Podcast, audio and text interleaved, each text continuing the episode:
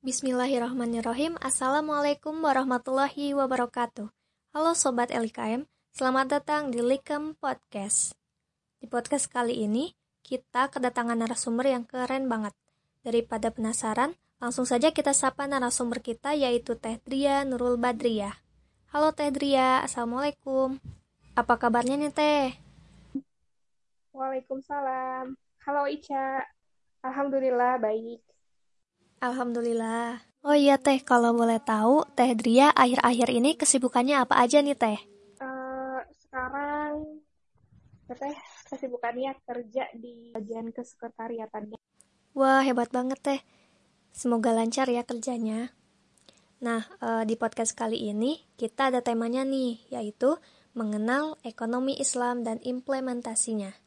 Langsung saja, Eh, ke pertanyaan pertama, Ica mau nanya nih Teh, uh, apa itu ekonomi Islam? Sekarang kita berbicara tentang uh, implementasi ekonomi Islam ya. Iya nah, Teh. Sebelum kita ke ekonomi Islam, kita harus tahu dulu gitu. Sebenarnya ekonomi itu apa gitu. Kalau Ica sendiri udah tahu Ica, ekonomi itu apa? Uh, kalau secara garis besarnya, uh, ekonomi itu merupakan ilmu yang mempelajari bagaimana e, caranya kita ini dapat memanfaatkan sumber daya yang ada dan juga terbatas untuk memenuhi kebutuhan hidup manusia. Ya, secara garis besarnya itu ya. Jadi ekonomi itu merupakan kegiatan produksi, distribusi, konsumsi yang e, saling berkaitan gitu untuk e, satu tujuan yaitu untuk pemenuhan kebutuhan. Nah, menurut Manulang, Ekonomi adalah ilmu yang mempelajari bagaimana memenuhi keinginan manusia atau masyarakat demi tercapainya kemakmuran dan terpenuhinya kebutuhan baik dalam bentuk barang maupun jasa. Nah, di di dunia ini gitu ya, ekonomi itu banyak sekali macamnya gitu. Ada ekonomi kapitalis, ada ekonomi sosialis, kemudian ada ekonomi campuran dan eh, terutama ada juga ekonomi syariah gitu ya yang akan kita bahas malam kali ini. Nah, ekonomi suatu negara diatur oleh budaya, hukum, sejarah dan geografi negaranya masing-masing. Gitu. Maka setiap negara berbeda gitu. Dalam Indonesia sendiri eh, kita termasuk menerapkan ekonomi syariah kemudian ada juga ekonomi konvensional. Nah, kenapa di Indonesia ada ekonomi syariah? Latar belakangnya karena Indonesia itu merupakan negara muslim terbesar gitu. Di latar belakangi keinginan muslim untuk menerapkan Islam secara kafah gitu, secara sempurna. Menjadi menjadikan eh, ekonomi Islam berkembang gitu di Indonesia. Nah, sekarang kita masuk ke ekonomi Islam. Nah, ekonomi Islam itu apa sih gitu ya secara pengertiannya gitu. Secara pengertiannya, ekonomi Islam yaitu ilmu yang mempelajari konsep ekonomi secara umum. Namun bedanya yang menjadi dasar atau landasan aktivitasnya adalah nilai-nilai Islam seperti jujur, amanah, keseimbangan, keadilan, dan sebagainya. Kemudian menurut Umar Cakra, Ekonomi Islam adalah ilmu pengetahuan yang membantu manusia mewujudkan kesejahteraan melalui alokasi, distribusi sumber daya alam maupun manusia sesuai dengan tujuan yang ditetapkan. Nah, tujuan yang ditetapkannya oleh siapa gitu ya? Oleh Al-Qur'an dan Sunnah. Adapun karakteristik dari ekonomi Islam yaitu eh, pertama berlandaskan ketuhanan, kedua keseimbangan atau keadilan. Yang ketiga adalah eh, seimbang gitu ya, seim, pertengahan, ekonomi pertengahan yang memuat hak dan kewajiban yang setara gitu. Sedangkan tujuan dari ekonomi Islam sendiri atau biasa disebut juga ekonomi syariah yaitu kesejahteraan umat atau kemaslahatan umat yang di dalamnya mengandung tadi keseimbangan, keadilan, dan kebaikan gitu untuk semua.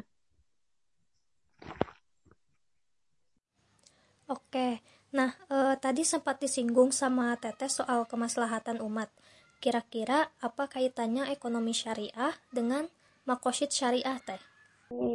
Nah, eh, tadi kan tujuan utama dari ekonomi syariah itu adalah kesejahteraan ya, kemaslahatan. Nah, kemaslahatan sendiri itu diatur oleh syariat. Nah, di dalam syariat, pengaturan syariat fikih itu ada namanya makosid syariah ya makosid syariah yaitu uh, sebuah ketaatan gitu ya dalam menjalankan prinsip syariah yang tujuannya untuk kemaslahatan umat tadi, kebahagiaan dunia dan akhirat gitu. Nah, makosid syariah itu ada lima. Yang pertama yaitu hifzun, hifzuddin, menjaga iman gitu ya, menjaga agama. Kemudian hifzun nas, menjaga jiwa. Kemudian ada hifzu akli, menjaga akal. Yang keempat ada hifzu mal, menjaga harta. Yang kelima ada hifzu nasal, yaitu menjaga keturunan. Nah, makosid syariah ini adalah pokok hukum Islam yang mengatur tadi ya kesejahteraan. Jadi eh, indikator dari kesejahteraan yang menjadi tujuan HR itu harus mencakup uh, harus mencakup lima makosid syariah tadi gitu terutama dalam poin menjaga harta hifzumal. Yang dimaksud menjaga harta gitu ya di dalam hifzumal ini yaitu menjaga hak milik gitu. Dalam Islam hak milik atau hak e, kepemilikan harta itu e, harus jelas gitu. Karena ekonomi Islam itu e, sistemnya keadilan. Tidak boleh ada uh, ketidakjelasan antara kedua belah pihak yang nantinya akan menimbulkan uh, perselisihan dan permusuhan di kalangan uh, masyarakat. Nah, kaitannya dengan ekonomi syariah tadi ya di menjaga hartanya gitu. Selanjutnya Teh, tadi di awal kan Teteh sudah menyebutkan jenis-jenis ekonomi. Nah, apa sih perbedaan antara ekonomi syariah dan ekonomi konvensional? Nah, tadi ya perbedaan ekonomi syariah dan ekonomi konvensional gitu. Mungkin tadi banyak kayak ekonomi sosialis, campuran, tradisional gitu ya, ekonomi pasar istilahnya. Namun kalau di kajian ekonomi syariah itu kita persingkat menjadi ekonomi konvensional gitu. Jadi perbeda jadi kalau ditanya perbedaan apa perbedaan ekonomi syariah dan ekonomi konvensional gitu. Nah, eh, perbedaannya itu bisa kita lihat dari beberapa uh, sudut pandang gitu ya beberapa poin gitu misalkan dari tujuannya sendiri jelas berbeda gitu. Ekonomi Islam itu tujuannya itu adalah keseimbangan dunia akhirat. Sedangkan ekonomi konvensional tujuannya itu adalah memperoleh keuntungan sebesar besarnya gitu. Kepuasan duniawi yang uh, diperoleh oleh diri sendiri gitu. Terus tujuan yang keduanya uh, ekonomi Islam itu adalah mementingkan kepentingan umum. Sedangkan tadi ya, kalau ekonomi konvensional itu mementingkan kepentingan pribadi atau individu. Gitu. Kemudian yang kedua, pembedanya itu adalah sumbernya. Gitu. Ekonomi Islam itu bersumber dari Al-Quran dan Sunnah. Peraturan-peraturannya itu diatur dalam Al-Quran dan Sunnah sehingga tidak e, semerta-merta gitu, tidak apa ya, tidak bebas gitu menentukan e, sesuatu itu gitu ya, menentukan ekonomi menentukan ekonomi itu. Kemudian kalau sumber dari ekonomi konvensional itu adalah pemikiran manusia gitu. Mater, material materialisme gitu ya. Nah, selanjutnya yang menjadi pembedanya itu adalah di kepemilikan individu. Kalau di ekonomi Islam, kepemilikan individunya itu bersifat relatif. Eh, di ekonomi Islam diyakini bahwa kepemilikan individu itu adalah titipan. Titipan dari siapa? Dari Allah Subhanahu wa taala. Jadi harta itu hanya sementara gitu. Tidak tidak uh, semerta-merta milik pribadi. Nah, sedangkan di ekonomi konvensional kepemilikan itu mutlak adanya gitu, milik pribadi. Tidak punya kewajiban, kita tidak punya kewajiban untuk berbagi kepada orang lain gitu. Karena uh, di ekonomi konvensional dianggapnya uh, harta saya ya harta saya pribadi. Kemudian yang selanjutnya pembedanya itu ada di nilai uang gitu. Kalau di ekonomi Islam, nilai uangnya itu adalah sebagai alat tukar.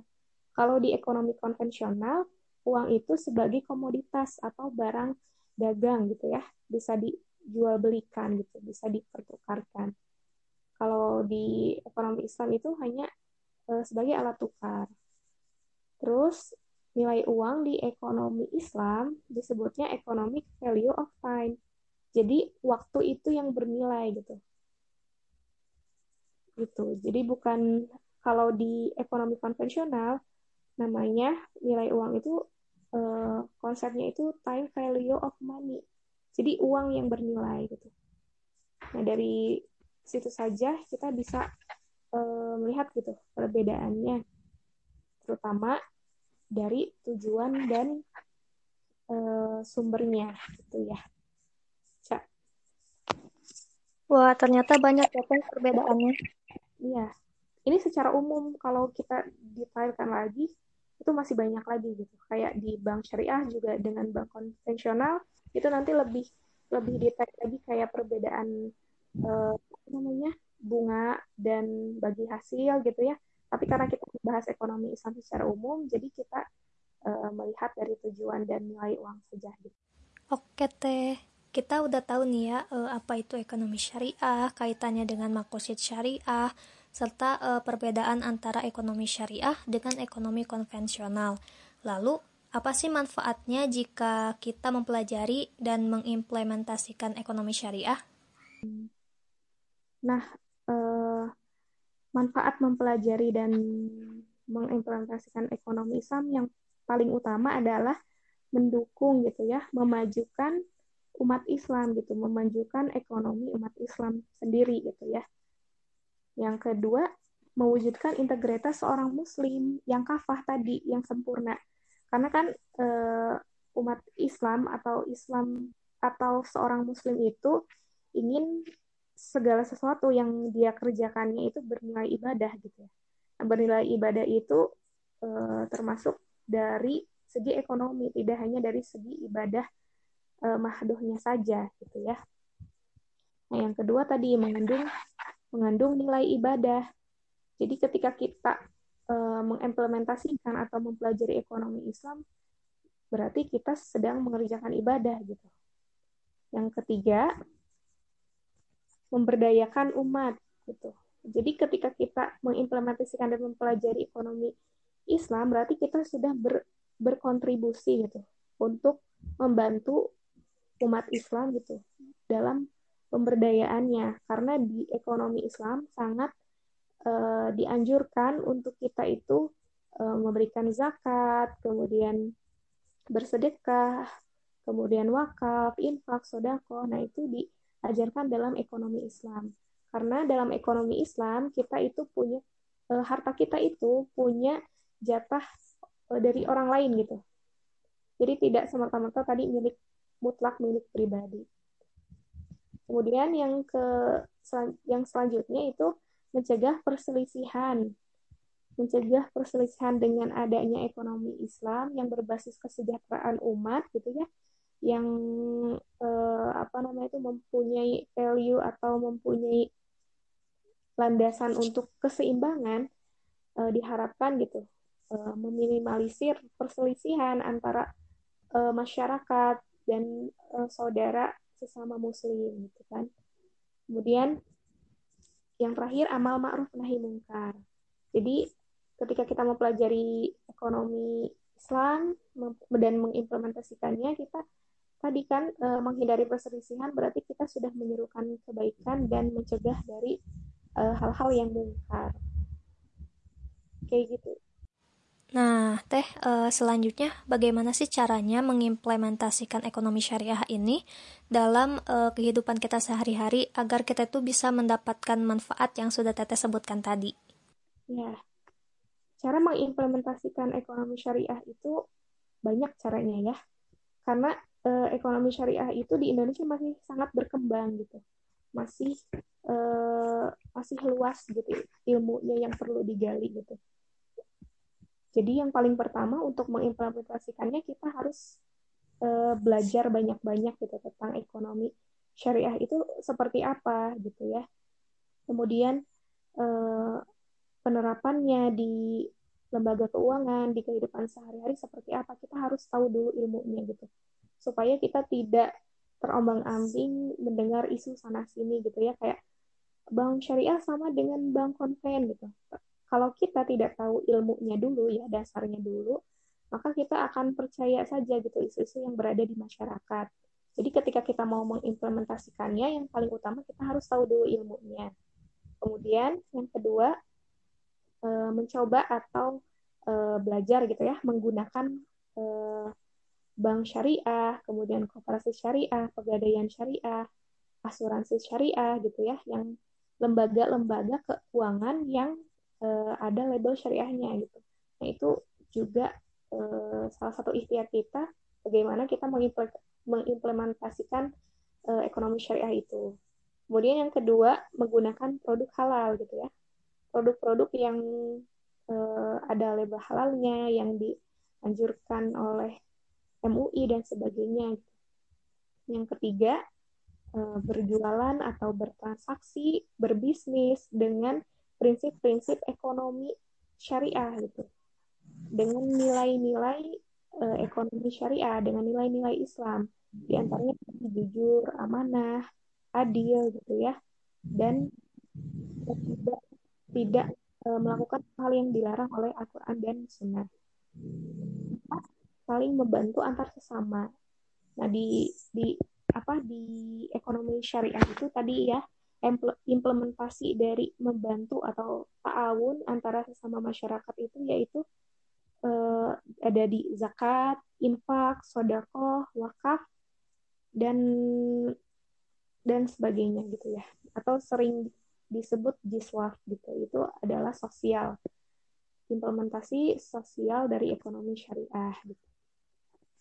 Kalau misalnya nih teh kita sudah menerapkannya dalam kehidupan sehari-hari apa yang harus dihindari ketika menerapkan ekonomi syariah ini? Nah, e, untuk hal-hal yang harus dihindari ketika melaksanakan ekonomi syariah, terutama di lembaga-lembaga keuangan syariah itu, uh, dan transaksi ya, transaksi muamalah itu yang pertama adalah goror, ketidakjelasan gitu. Itu harus dihindari ketika kita melaksanakan ekonomi syariah. Tuh. Kemudian yang kedua ada maisir atau judi gitu. Itu juga termasuk hal yang dilarang di ekonomi syariah. Yang selanjutnya ada riba. Nah, yang membedakan lem, eh, lembaga keuangan atau bank ekonomi bank syariah dan konvensional itu di uh, tambahan gitu ya atau riba tambahan tanpa imbalan. Nah, ini harus dihindari gitu. Riba itu karena kenapa sih harus dihindari? Karena riba itu menyengsarakan umat gitu ya. Me, me, apa memberikan mudorot, memberikan uh, ketidakjelasan untuk uh, orang lain gitu. Nah, terus yang selanjutnya ada istikar atau menimbun menimbun itu juga hal yang tidak diperbolehkan atau yang harus dihindari dalam uh, ekonomi Islam karena nanti akan menimbulkan ketidakseimbangan. Kemudian ada uh, riswah atau suap gitu. Jadi kita uh, harus menghindari namanya suap menyuap gitu. Karena itu tidak diperbolehkan dalam Al-Qur'an dan Sunnah. Terus ada doror. Nah, doror juga sebenarnya sama dengan goror tidak jelas namun doror itu e, terlihat gitu. Terlihat jelas menimbulkan kerugiannya gitu. Kayak sama-sama tidak jelas dan itu pasti gitu kerugiannya. Nah, itu itu doror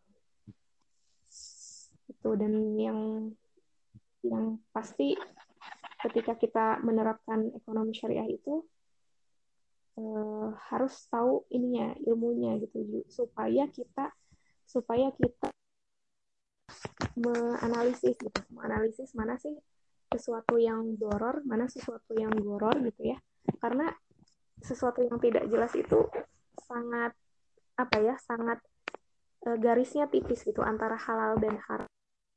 Kalau kita tidak tahu ilmunya itu akan e, terjebak gitu untuk melakukannya kayak gitu terakhir nih teh, eh, bagaimana cara agar kita bisa istiqomah atau konsisten dalam menerapkan ekonomi syariah ini? Karena konsisten itu yang cukup sulit. Iya, ini juga menjadi kendala gitu ya, karena eh, ekonomi syariah di Indonesia tadi masih berkembang gitu, terutama kalau kita memakai bank syariah gitu. Eh, apa ATM-nya, kemudian pelayanannya masih uh, lumayan terbatas gitu dibandingkan dengan bank-bank yang konvensional yang terlebih dahulu ada gitu kan. Nah, bagaimana sih caranya kita istiqomah untuk uh, tadi menjalankan Islam secara kafah gitu ya dalam ekonomi menerapkan ekonomi syariah. Nah, salah satunya yang paling pertama ketika kita ingin beristiqomah adalah meluruskan niat segala sesuatu yang membutuhkan kontinuitas atau istiqomah itu kita harus jelas kenapa sih saya melakukan atau ingin mengerjakan dan mengimplementasikan ekonomi syariah. Nah, kita harus tahu dulu apa sih tujuan kita, apa sih niat kita, sehingga uh, istiqomah dan kontinuitas itu jelas gitu dikerjakan oleh kita. Terus yang kedua yaitu mengkaji ilmunya sama ekonomi syariah itu kan eh, sama kayak iman ya. Ketika iman kita turun kita harus segera segera eh, untuk meningkatkannya dengan cara apa? Salah satunya ikut kajian salah satunya mendengarkan nasihat para ulama gitu. Nah termasuk menjalankan eksyar juga kita harus sering-sering mengkaji ilmunya gitu. Ketika kita futur gitu ya ketika kita uh, ah merasa tidak nyaman dengan ekonomi syariah kok gak enak banget ya? Nah kita harus sering-sering mengkajinya gitu. Kayak oh gimana sih caranya menerapkan ekonomi syariah secara uh, mudah gitu ya secara baik dan benar? Itu harus terus dikaji ilmunya.